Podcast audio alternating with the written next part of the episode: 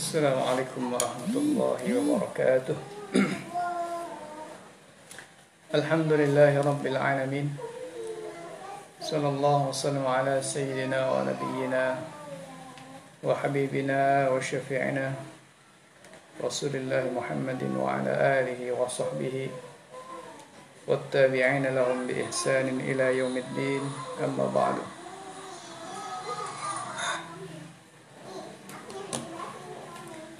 Ikhwati fillah rahimakumullah Teman-teman sekalian eh, Dimanapun anda berada yang saya hormati rahimakumullah Pada sore hari ini insya Allah kita Akan lanjutkan Pembahasan dan pembacaan kita Kajian kita Kitab uh, Al-Muqaddimah Al-Hadramiyah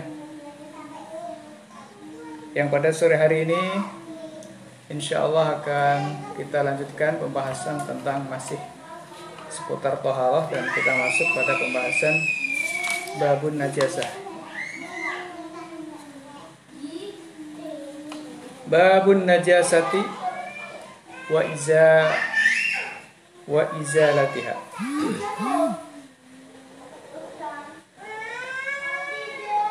Babun najasati wa izalatiha. Bab tentang najasah wa izalatiha dan bab tentang menghilangkan najasah. An najasah ya, ini merupakan masdar dari kata najusa yang jusu najasatan bahwa najisun. Secara pengertian bahasa ya, najasah itu artinya adalah kullu mustaqdarin. Najasah dalam arti benda, dalam arti uh, sesuatu ya, ain. Nah, ketika kemudian kita kaji, sebenarnya kata najasah itu bisa bermakna benda, artinya benda najis. Bisa juga maknanya adalah uh, apa namanya sifat ya sifat oleh karena itu maka di dalam penjelasan Syekh Sa'id bin Muhammad Ba'isha dikatakan bahwa kata najasah yang ada pada perkataan penulis kitab Muqaddimah Al-Hadramiyah yakni Syekh Abdurrahman Bafadal Al-Hadrami Abdullah bin Abdurrahman Bafadul Al-Hadrami. Kata najasa ini bimaknal a'yan Dengan arti al-a'yan an-najisah Benda-benda najis. Sehingga ini dari najas Yang alakohnya adalah as-sababiyah Atau bisa juga alakohnya adalah al-mujawarah. Sebab hakikat najis itu Atau najasah itu kan sebenarnya wasfun ya sifat.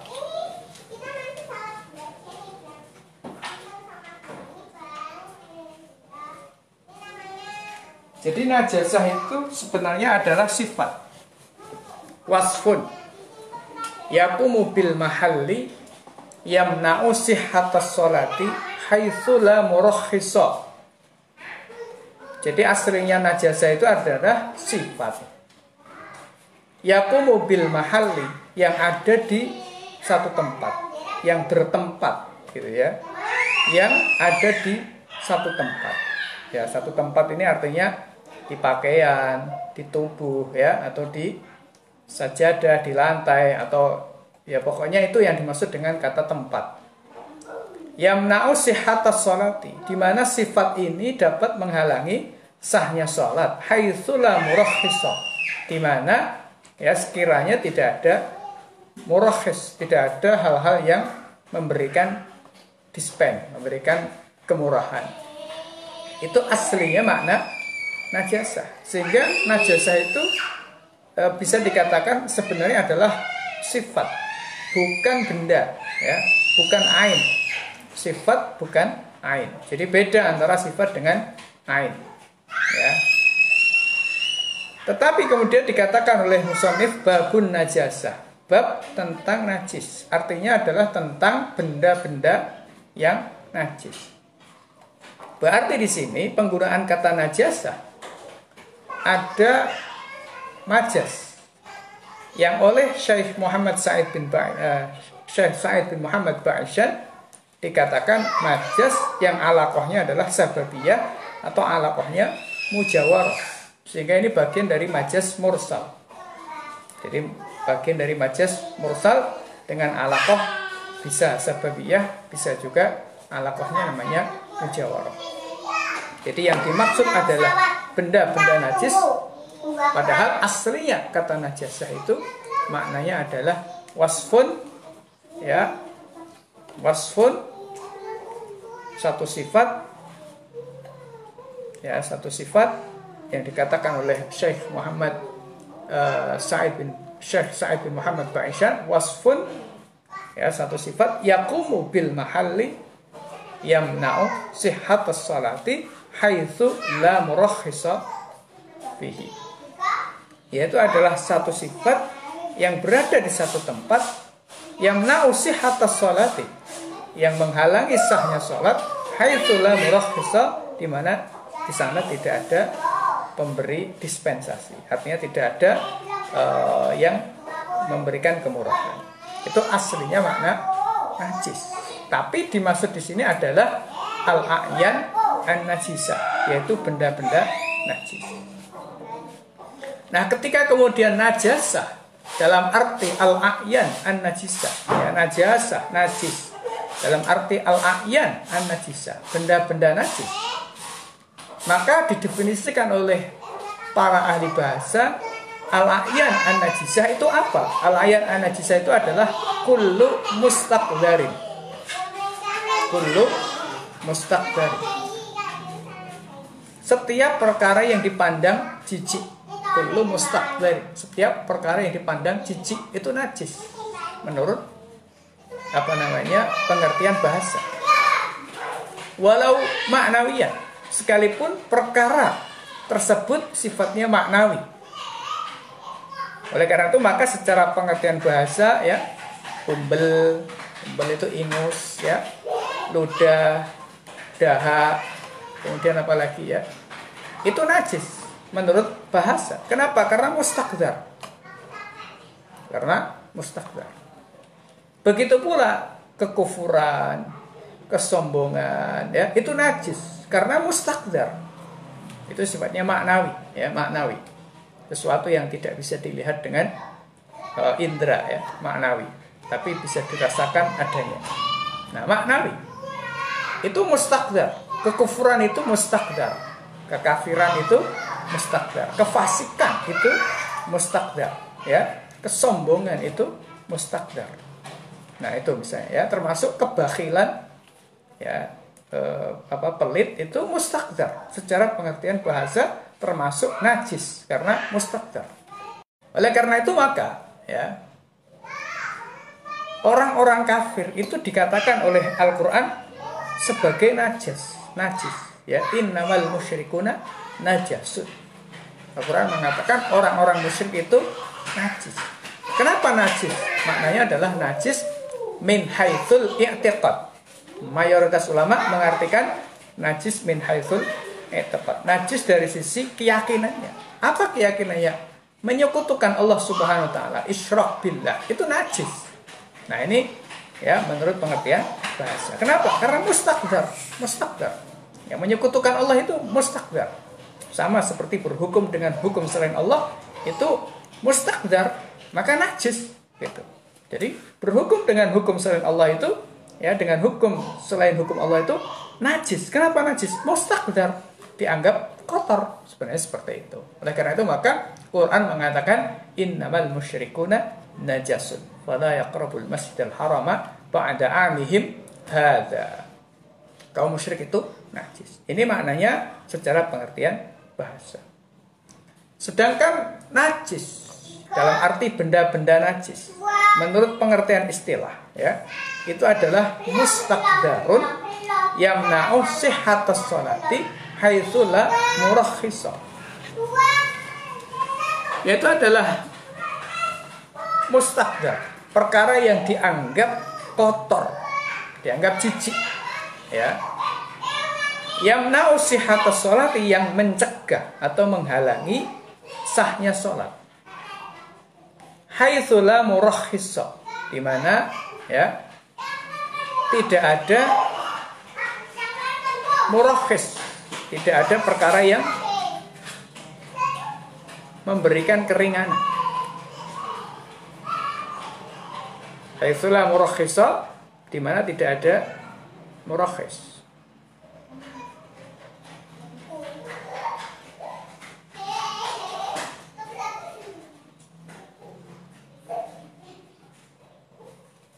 Nah ini maknanya najis ya. Jadi berarti ketika dikatakan oleh mu'alif rahimullah babun najasati bab tentang najis berarti maknanya adalah bab tentang benda-benda najis maksudnya adalah tentang benda-benda yang kotor yang dapat menghalangi sahnya sholat sekira tidak ada perkara yang dapat memberikan keringanan. Nah, sekarang kita akan bahas lagi mustakdarun yang dianggap jijik mustakdar ya. Sin yang ada pada kata mustakdar itu kan sin istifal. Sehingga memberikan pengertian ya dianggap jijik. Mustakdar dianggap jijik. Siapa yang menganggap jijik? Yang menganggap jijik tentunya di sini adalah syarat meskipun menurut kita tidak dianggap jijik ya. Oleh karena itu maka ada benda-benda itu tidak dianggap jijik oleh manusia tapi dianggap jijik oleh syarat maka dia najis mustaqdar ya ai syar'an yamna'u sihhatas salati jadi secara pengertian syarat adalah perkara yang dianggap jijik menurut syarat yang dapat menghalangi sahnya sholat. Contohnya misalnya apa? Ada perkara-perkara yang tidak jijik menurut kita, tapi najis. Ya misalnya apa? Nanti akan kita bahas ya. Misalnya adalah alkohol. Alkohol itu tidak jijik, tapi najis. Begitu menurut pembahasan para ulama. Nanti insya Allah akan kita kaji tentang masalah alkohol. Nah, ikhwati fillah rahimakumullah. Ya, jadi ini tentang apa namanya uh, tentang masalah makna najis itu apa. Nah, kita sekarang masuk pada perkataan mu'alif rahimahullah. Wahya al-khamr. Nah, di sini mu'alif rahimahullah tidak mendefinisikan tentang najis dengan bil hati dengan cara ta'rif ya didefinisikan. Ta'rif itu misalnya begini ya, bil hati ya, arrafaha bil, bil hati ya, mentakrifkan dengan had, dengan definisi. Itu misalnya kita katakan bahwa apa isim itu? Isim itu kalimatun dalat ala maknan fi walam taktarin ya di ahadil azminatis salasah. Itu namanya isim secara pengertian apa namanya hat gitu kan? Nah kemudian kalau kita mendefinisikan apa itu isim? Al ismu zaitun wa amrun wa baitun masjidun ya. Wa darun wa hidaun wa na'lun wa terajatun ya. Itu namanya bil addi dengan cara dihitung. Itu. Nah kalau itu jumlahnya tak, tak terbatas ya ya kemeng ya. Kemeng itu ya gak ada selesainya gitu ya Nah, sementara najis ini kan jumlahnya terbatas. Oleh karena itu maka muallif rahimahullah lebih memilih dengan mendefinisikan ya, dengan mendefinisikan dengan cara al-ad, al-addu ya, artinya menyebut satu per satu. Itu al-addu, menyebut satu per satu. Nah, wahya al-khamru. Yang pertama oleh muallif disebut adalah al-khamru. Wahya al-khamru yaitu khamr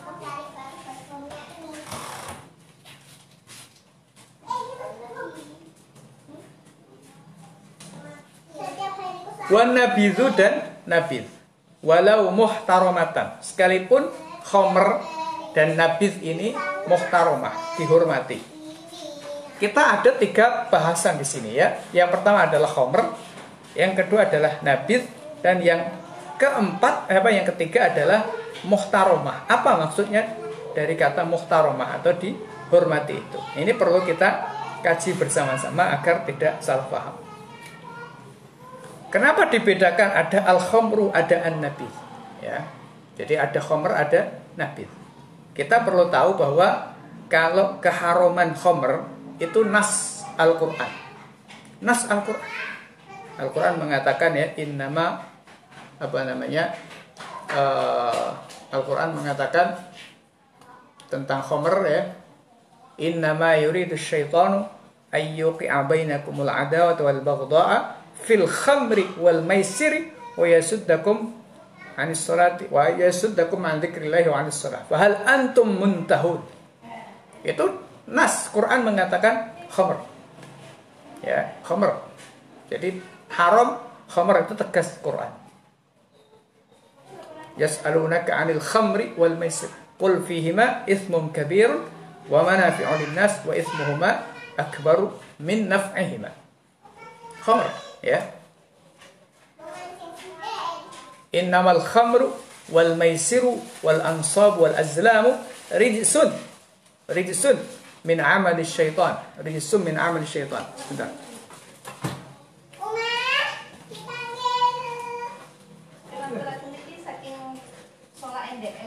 Oh, ada repot-repot. Gimana terus Ibu? Nggih, Nggih. Ngapunten.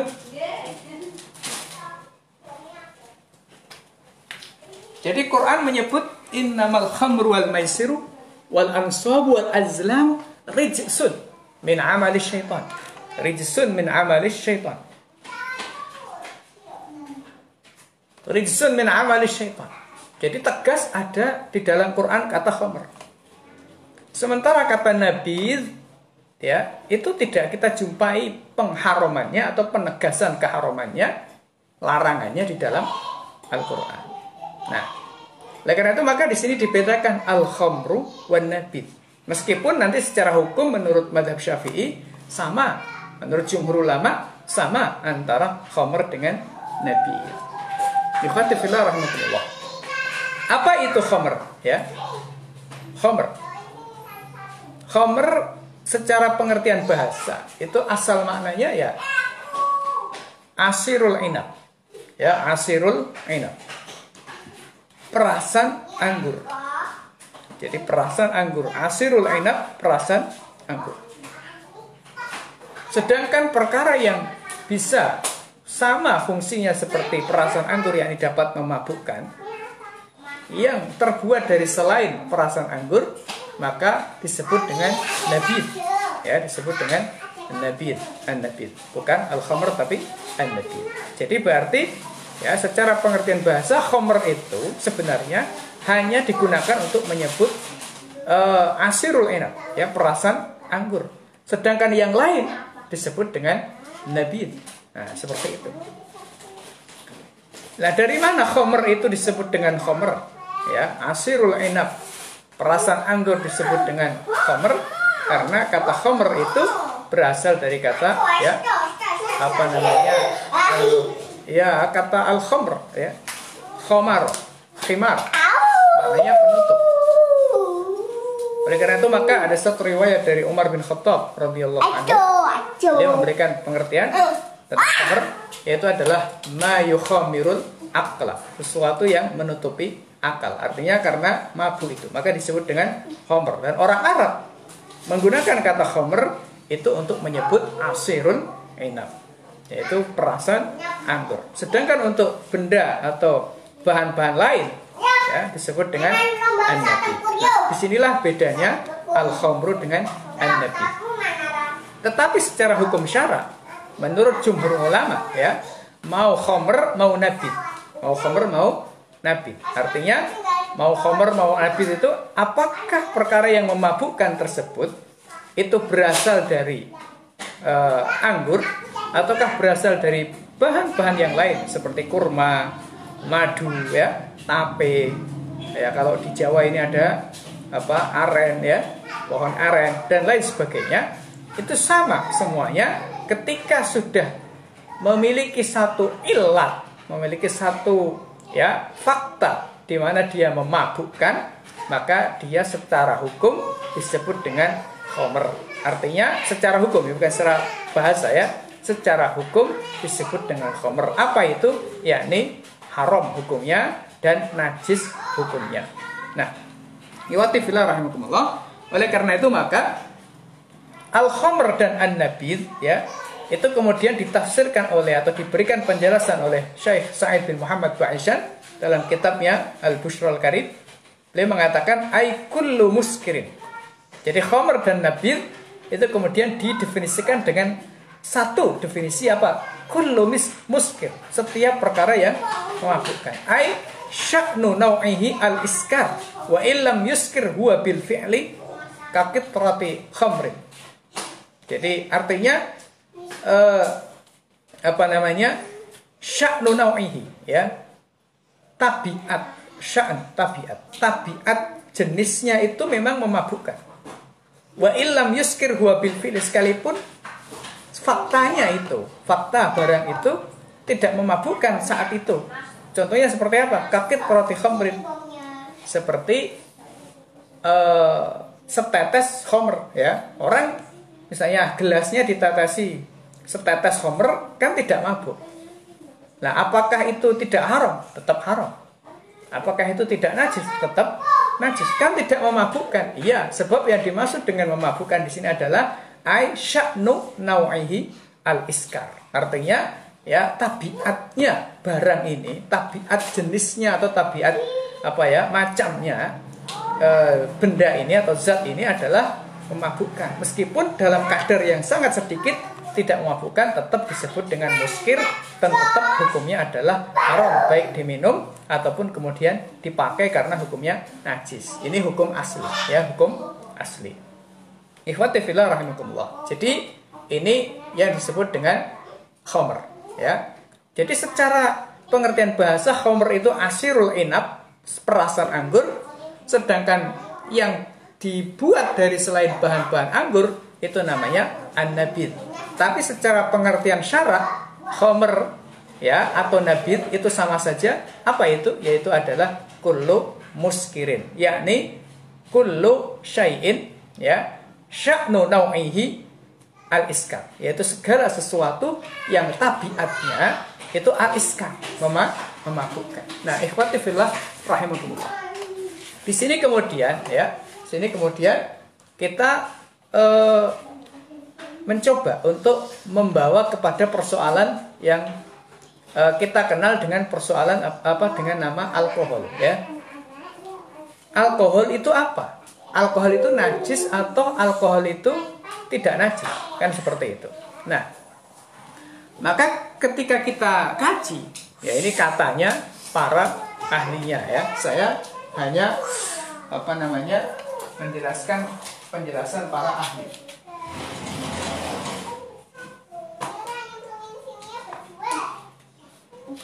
Halo, Pak. Eh, jangan berisik. Hmm? Jangan berisik apa yang ngaji. Eh, berisik ya malah di situ.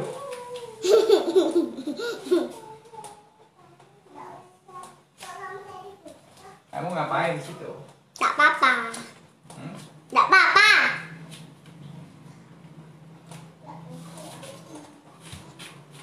Turun, turun. Ayo turun dulu. Hmm. Hmm. Ya. Eh, sini, sini, sini. Ya. Ya. Jadi ketika kita kaji, ya mohon maaf ini ada iklannya ya. Iklan. Iklan iklan gundul. Nah. Dong. Jadi ketika kita kaji eh, alkohol itu apa? Ya, atau homer itu secara penelitian ilmiah apa? Gitu kan? Udah Maka dalam bahasa ilmiah itu ada alkohol, ya. Nah, alkohol itu ada dua. Ada yang disebut dengan jenisnya etil, ada yang disebut dengan jenisnya metil. Ya. Nah, alkohol yang jenisnya etil, ya ini biasanya dirumuskan dalam rumus kimia dengan C2H ya 5OH. Misalnya seperti itu. Ini berarti dia adalah etil. Jenis alkohol etil. Sedangkan jenis alkohol yang dikatakan ya dengan jenis alkohol uh, metil atau metanol ya metil atau etanol maka biasanya rumusnya rumus kimianya adalah CH3OH nah Lalu yang mana ya? Yang mana? Yang disebut dengan homer. Alkohol yang disebut dengan homer sehingga dikatakan alkohol itu najis yaitu adalah alkohol dengan rumus yang kita sebut dengan tadi itu ya C2H5OH yaitu adalah uh, etil bukan metil. Kalau metil itu racun sifatnya tetapi kalau etil itu memabukkan. Sehingga maknanya menurut para ulama ya yang mengatakan homer itu najis, yang mengatakan homer itu najis, ini adalah jumhur ulama ya bahwa alkohol yang disebut dengan alkohol etil ya etil atau etanol itu merupakan homer sehingga berarti maknanya alkohol dengan e, jenis ini adalah dihukumi homer dihukumi najis. Sedangkan yang metanol ya, yang apa tadi yang disebut dengan alkohol metanol ya, maka itu eh, hukumnya tidak najis, tetapi bukan berarti halal diminum bukan, tetapi secara hukum tidak najis karena bukan homer. Nah, ikhwati fillah rahimakumullah. Ini tentang keharaman homer. Nah, berkaitan dengan kehalaman keharaman homer ya apa yang kemudian menjadi dalil para ulama sehingga Homer ini dikatakan haram? Maka Al-Quran jelas. Ya, Quran jelas tadi ayat-ayat yang sudah kita baca. Innamal khamru wal maisiru wal ansabu wal azlamu wal azlamu rijsun min amali syaitan. Rijsun min amali syaitan fajtanibuhu la'allakum tuflihun. Ya, fajtanibuhu la'allakum tuflihun. Rijsun. Haram. Diharamkan oleh Allah. Ya, itu jelas. Kemudian ayat yang lain ya innama yuridu ayyuqi'a innama yuridu syaitan ayyuqi'a bainakumul adawata wal baghdha'a fil khamri wal maisir wa yasuddakum an dzikrillahi wa anis salah wa hal antum muntahun ini ayat ya. wa hal antum muntahun maknanya lereno. Jangan minum haram jelas. Gitu. tapi tentang kenajisannya ini diperselisihkan oleh para ulama. Ada sebagian kecil ulama. Kecil artinya sedikit ya. Sedikit.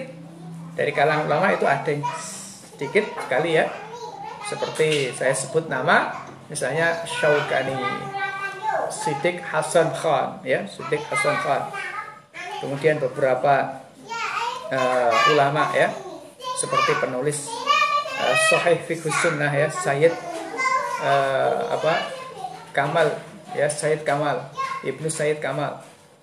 Misalnya Sahih Fiqh Sunnah Nah ini cenderung kepada pendapat bahwa Homer itu tidak najis. Haram ya sepakat kalau haram itu sepakat Tapi uh, tidak najis.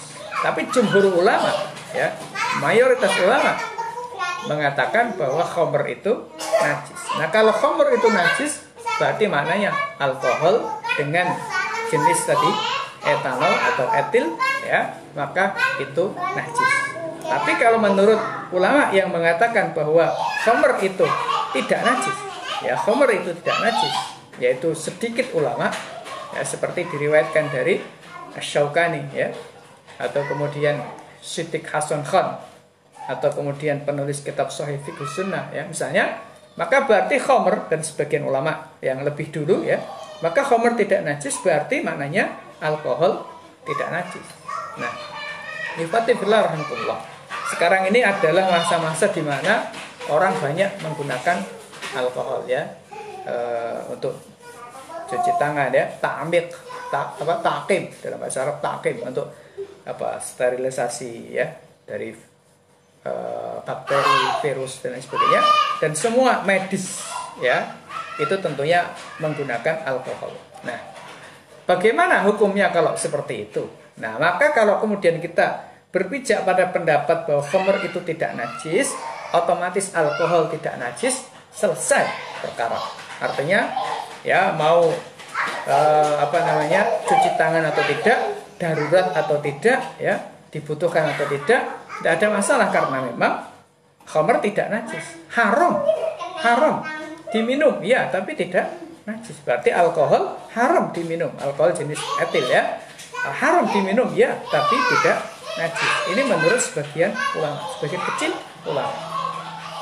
Tetapi menurut mayoritas ulama dan ini yang lebih tepat ya, lebih apa namanya? lebih kuat secara dalil begitu mayoritas ulama mengatakan bahwa alkohol itu haram dan juga sekaligus najis. Oleh karena itu berarti maknanya apa? Khamr itu haram dan juga najis. Berarti maknanya kalau begitu alkohol ya jenis etil uh, itu berarti najis. Nah, ikhwati fillah rahimakumullah. Jadi itu maknanya uh, al-khamru wan nabid. Khamr dan nabid. Nah, sekarang kalau kemudian dikatakan itu najis, ya, dikatakan itu najis, bagaimana?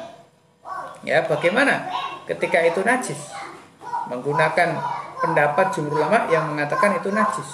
Nah, maka apakah hukumnya boleh? Hukumnya ketika dibutuhkan, ya, dibutuhkan untuk berobat atau untuk mencegah terjadinya penyakit, itu hukumnya boleh. Menurut Syekh Taqiyuddin An-Nabhani Misalnya ya, itu hukumnya boleh.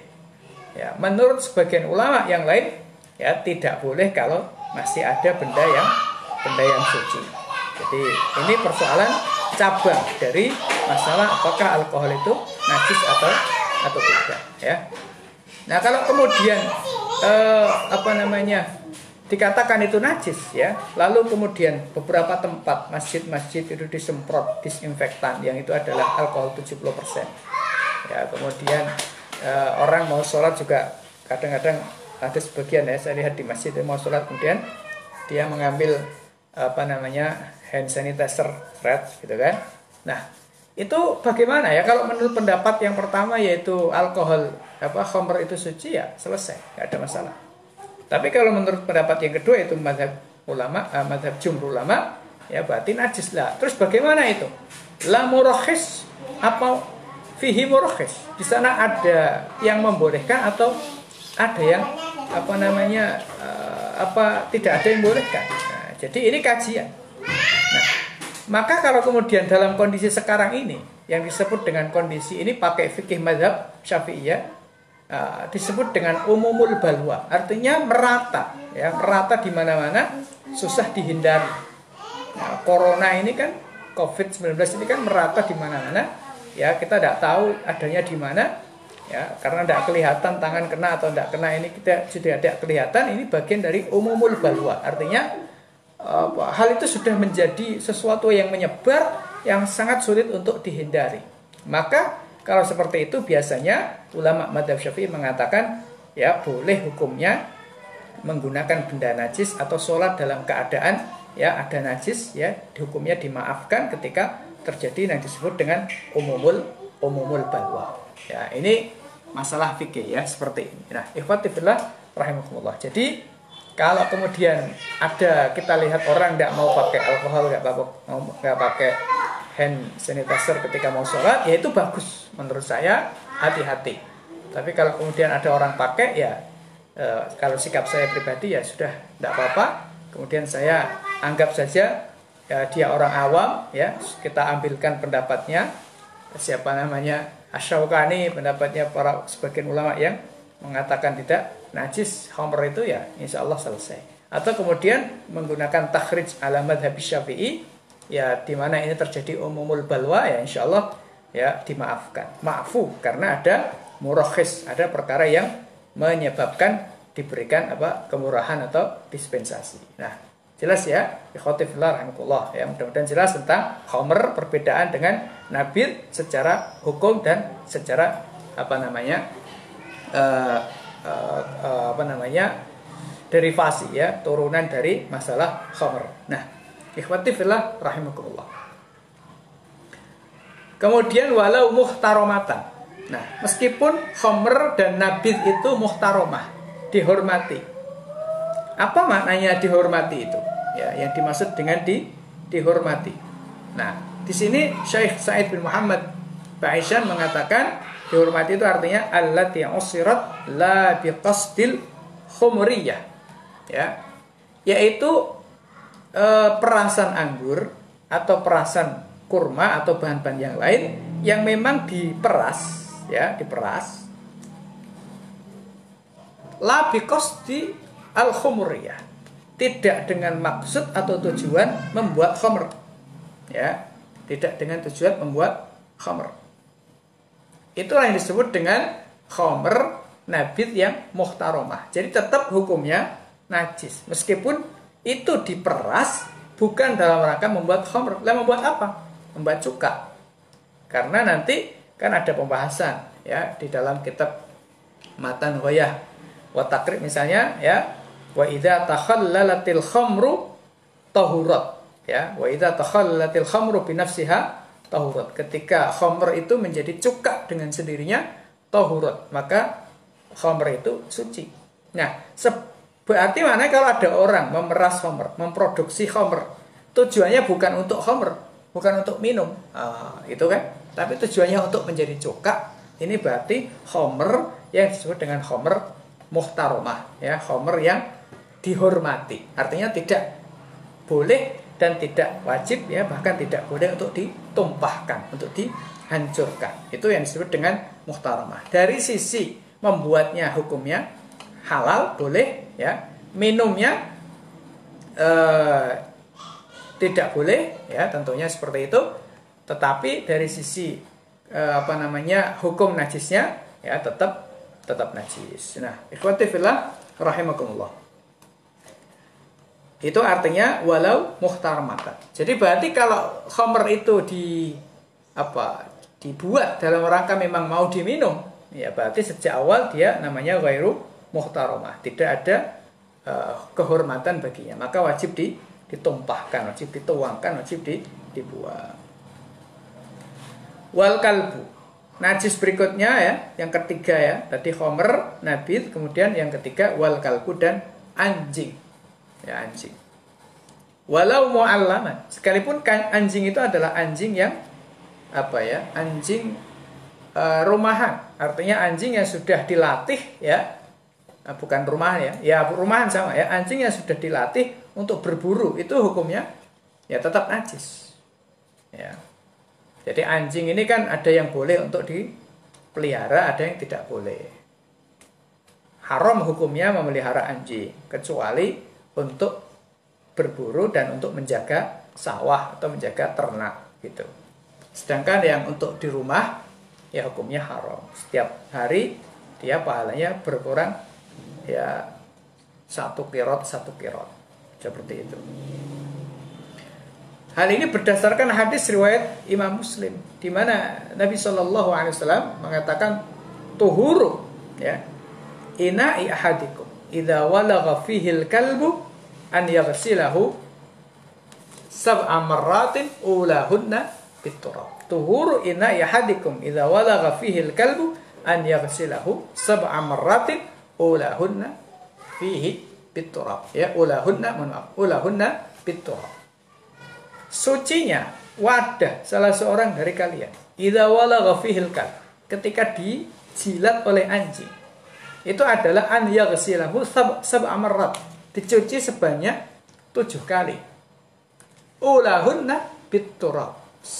Pertama-tama disertai dengan debu. Menurut hadis ini pertama-tama, nanti dalam hadis yang lain ya ukhrahunna yang paling akhir ya. Sementara dalam hadis yang lain ihdahunna. Jadi kalau menurut madzhab Syafi'i boleh memberi debunya itu di awal, kedua, ketiga atau keberapa saja. Pokoknya ada yang disertai dengan debu. Ini menurut mazhab Syafi'i. Kalau menurut mazhab yang lain harus di awal. Sebab hadisnya mengatakan ulahunna biturab. Hadis yang lain tidak dipakai karena alasan sanat ya, sanat hadis yang kurang kuat. Nah, eh, hadis ini ya, hadis tohuru ina yahatikum idza walagha fihil kalb an yaghsilahu sab'a marratin ulahunna biturab. Menurut para ulama mazhab Syafi'i memberikan pengertian bahwa anjing itu najis.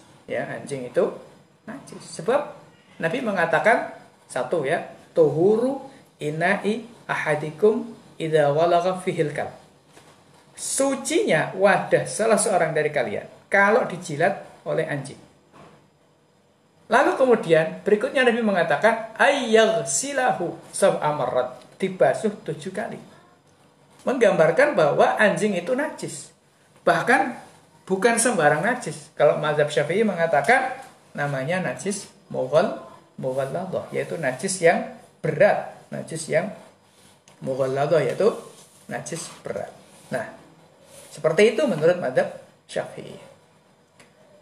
Lah kok kemudian ada ulama yang mengatakan bahwa anjing itu tidak najis. Ya, anjing itu tidak tidak najis. Terus dalilnya apa? Ya, tentunya dalilnya adalah eh, dalil-dalil umum ya yang disebut dengan apa namanya istishabul asli atau dalil al aslu kaidah al asal apa itu al aslu fil asya at toharoh hukum asal benda itu ya suci. Termasuk hukum asal hewan itu ya suci. Ini masih hidup loh ya. Bahasannya masih hidup. Kalau sudah disembelih atau sudah dimasak ya e, lain lagi ya. Itu berarti bangkai, bangkai. Kalau tidak halal sembelih ya bangkai. Nanti insya Allah akan kita jelaskan pada pembahasan wal maitah ya. Wal maitah. Tapi sepertinya kita bahas pada pekan yang akan datang ya. Soalnya ini lagi apa namanya agak sedikit nggak enak ini tenggorokannya, agak panas ya, rada. Nah jadi eh, apa Homer ya, eh kembali ke Homer lagi. Alkal ya anjing, anjing ya. Nah anjing dikatakan oleh sebagian ulama yaitu Madhab Malik mengatakan bahwa anjing itu suci Kenapa? Ya sesuai dengan dalil asli yaitu bahwa segala benda itu suci, segala perkara itu suci. Nah terus dengan hadis ini bagaimana?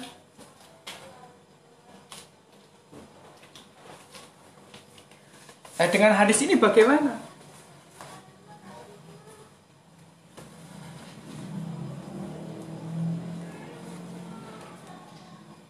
Jadi dengan hadis ini bagaimana? Maka jawabannya ulama Madhab Maliki mengatakan kewajiban mencuci ya, kewajiban membersihkan atau mencuci dari jilatan anjing itu lit ta'abbud. Lit ta'abbud atau ta'abbudi ya, sifatnya ta'ab ta'abbudi. Jadi ghairu ta'akkuli, tidak bisa dicerna oleh akal. Es pokoknya disuruh nyuci, bukan karena najis, bukan tapi ya pokoknya disuruh mencuci. Itu namanya ta'abudi, ya ta'ab ta'abudi.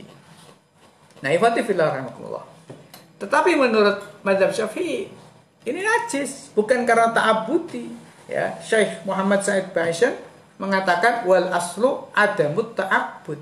Aslinya ya tidak ada ta'abud begitu.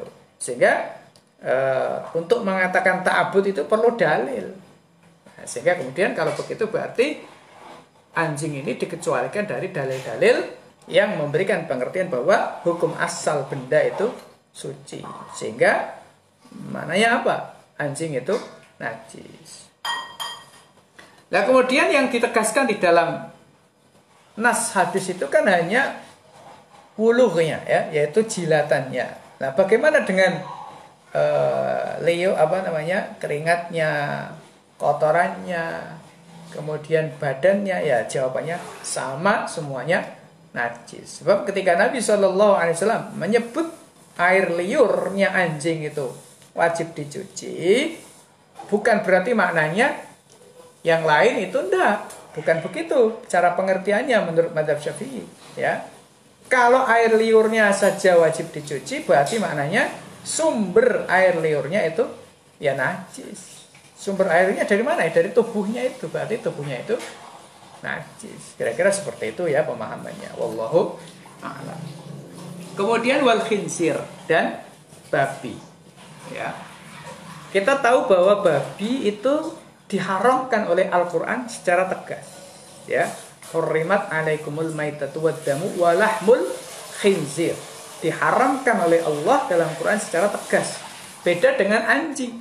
Anjing tidak ada secara tegas di dalam Al-Quran. Saya tidak bilang tidak ada titik, ya tidak, tapi koma ya, tidak ada secara tegas. Yang tidak ada itu secara tegas, tidak ada secara tegas di dalam Al-Quran. Jadi kalau ada yang menghalalkan anjing disembelih lalu kemudian dimasak, apakah itu bisa ditolerir?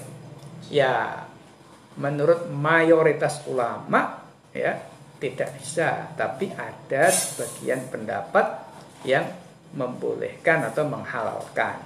Tapi tetap ini ya pendapat yang lemah secara dalil, maka jangan coba-coba di ditiru, jangan coba-coba diamalkan ya. Jangan sekali lagi ya. Itu madhab Malik. Madhab Malik. Tapi kalangan ulama Malikiyah ya, ulama Malikiyah. Nah, ulama dari kalangan madhab Maliki itu ya terpecah menjadi dua. Ada yang kemudian mengatakan ya e, tidak boleh dimakan. Ada yang mengatakan bukan berarti maknanya kalau tidak najis itu ya halal dimakan tetap tidak boleh dimakan tetapi ada yang mengatakan ya boleh dimakan. Artinya halal. Nah jadi itu. Yang difatwakan dalam madhab maliki ya e, ini adalah tidak boleh dimakan. Jadi itu yang saya tahu dari e, sumber-sumber madhab maliki. Wallahu alam. Nah jadi intinya kalau menurut madhab syafi'i dan jumhur ulama babi itu najis. Gitu kan ya? Babi itu najis. Kalau urusan apa namanya uh, haram semua ya semua ya. Semua ulama mengatakan bahwa babi itu haram karena dinas oleh Al-Quran. Tapi urusan kenajisannya kalau kita ya megang babi masih hidup kena apa namanya uh, liurnya babi misalnya ya itu najis apa tidak najis? Menurut madhab syafi'i dan ya apa namanya jumhur ulama babi itu juga najis. Nah terus dalilnya apa? Dalam Quran nggak ada yang menyatakan babi itu najis, tidak ada. Adanya menyatakan babi itu haram, itu kan? Haram belum tentu najis, ya, kan begitu. Kalau najis pasti haram, tapi haram belum tentu najis. Sedangkan kalau anjing ada dalilnya yaitu hadis tadi. Apa dalilnya babi? Ya, secara nas tidak ada. Maka para ulama madhab syafi'i pun mengatakan ya kenapa kok babi itu najis? Li'annahu aswa'u halan minhu. Sebab babi itu lebih buruk daripada anjing. Begitu kata madhab syafi'i. Idla yuntafa'u bi bihalin. Ya alasan yang kedua ya kenapa dia lebih buruk?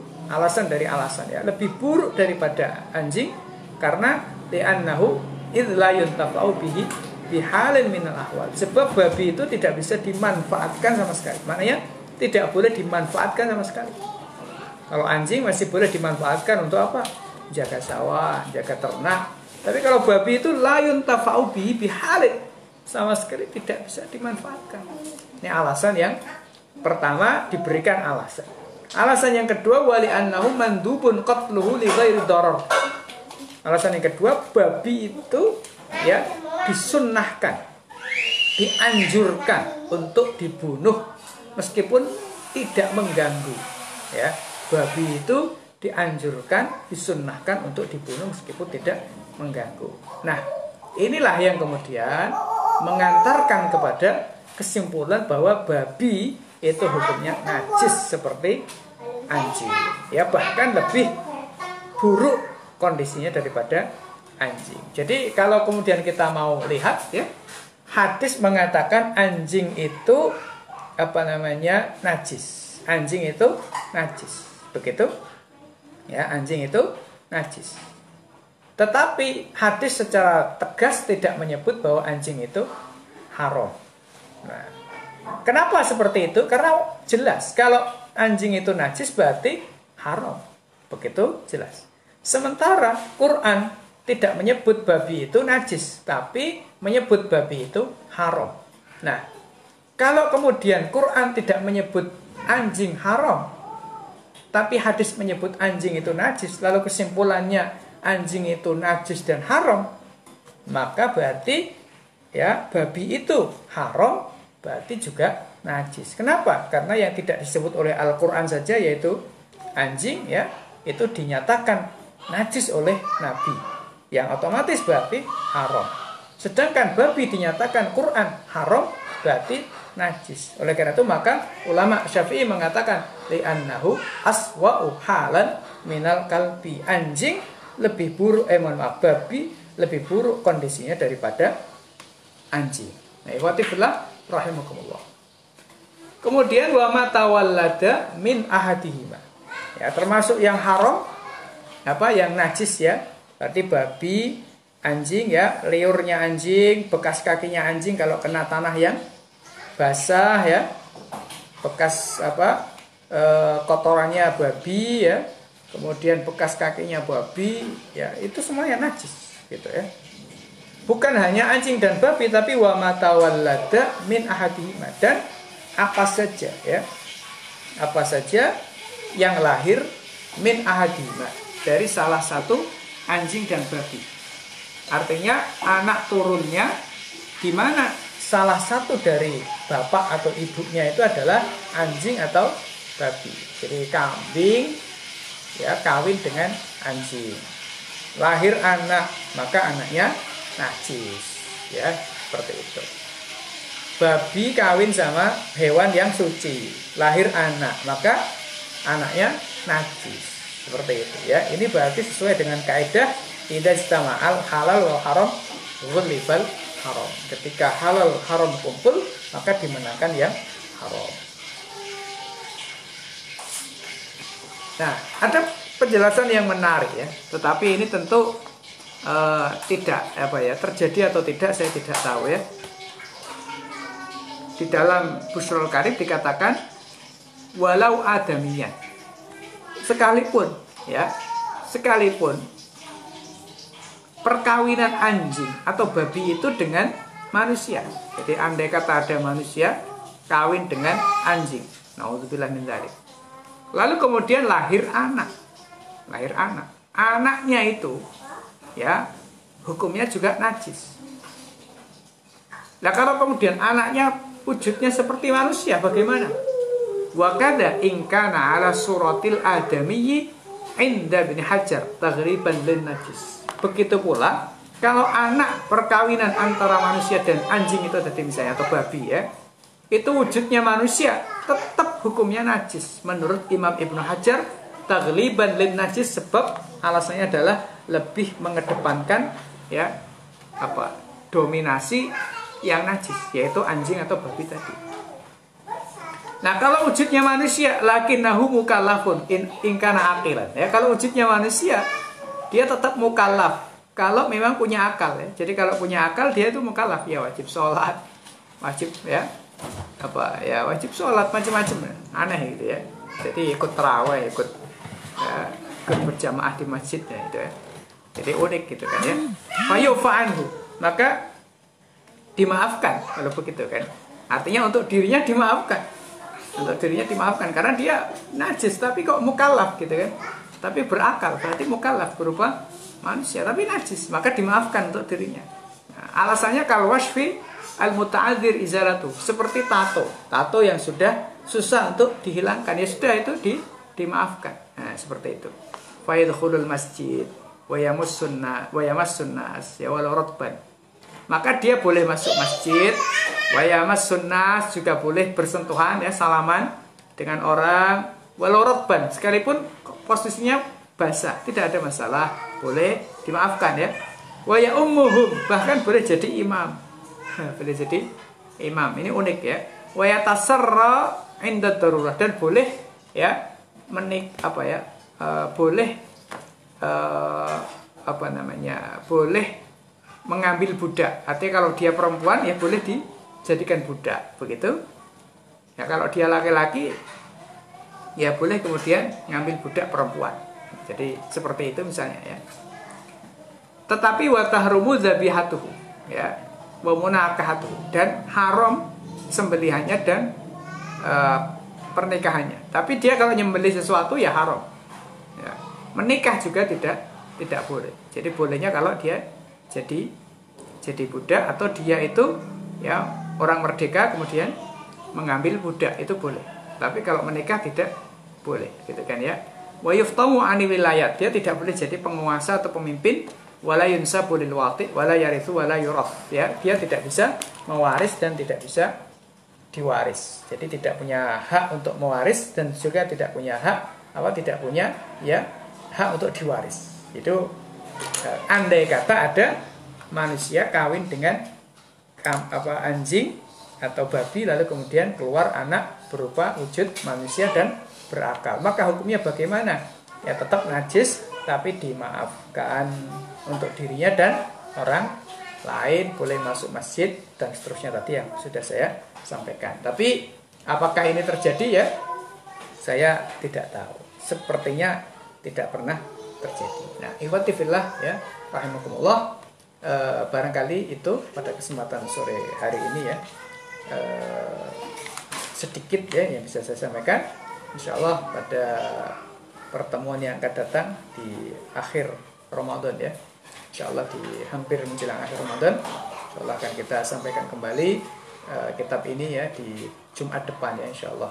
Akan kita lanjutkan tentang masalah al-maitah ya, najis yang keempat yaitu adalah eh, maitah ya, bangkai. Seperti apa penjelasannya Insya Allah pekan depan. Mohon maaf sore hari ini saya hanya bisa memberikan eh, kajian ya sedikit atau sebentar ya karena kondisi yang kurang apa ya kurang nyaman ya kurang enak pada mohon maaf mohon doanya mudah-mudahan diberikan kesehatan selalu saya keluarga dan juga uh, ustadz ustadzah di NDM dan juga tentunya teman-teman sekalian yang uh, apa teman-teman NDM semuanya keluarganya dan juga semua kaum muslimin mudah-mudahan selalu diberikan kebaikan oleh Allah Subhanahu wa taala. Demikian kurang lebihnya saya mohon maaf yang sebesar-besarnya. Wassalamualaikum warahmatullahi wabarakatuh. Subhanakallahumma bihamdika asyhadu an la ilaha illa anta astaghfiruka wa atubu ilaik.